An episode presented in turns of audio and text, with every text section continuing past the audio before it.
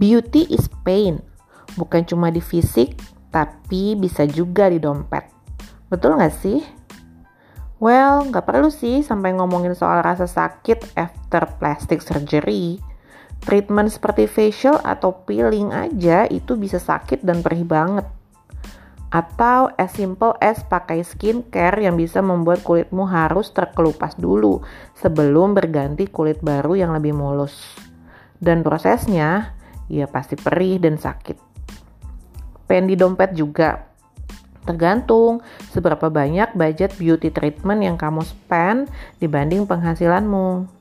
Kalau misalnya gaji 3 juta, beli skincare atau treatment 1 juta, ya berarti sudah habis 33% gajimu cuma buat skincare. Tapi kalau beli skincare 1 juta di saat penghasilanmu 20 juta, ya berarti biaya itu hanya 5% dari penghasilanmu.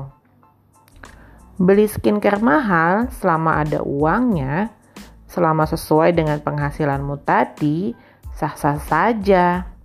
Tapi nggak juga bisa dijustifikasi kalau skincare adalah investasi. Skincare ya tetap pengeluaran gaya hidup, lifestyle expense. Kamu bisa happy kulitmu glowing. Tapi ya sudah, that's it. Nilai dirimu bukan cuma itu, tapi juga dari attitude, sikap, dan ucapanmu.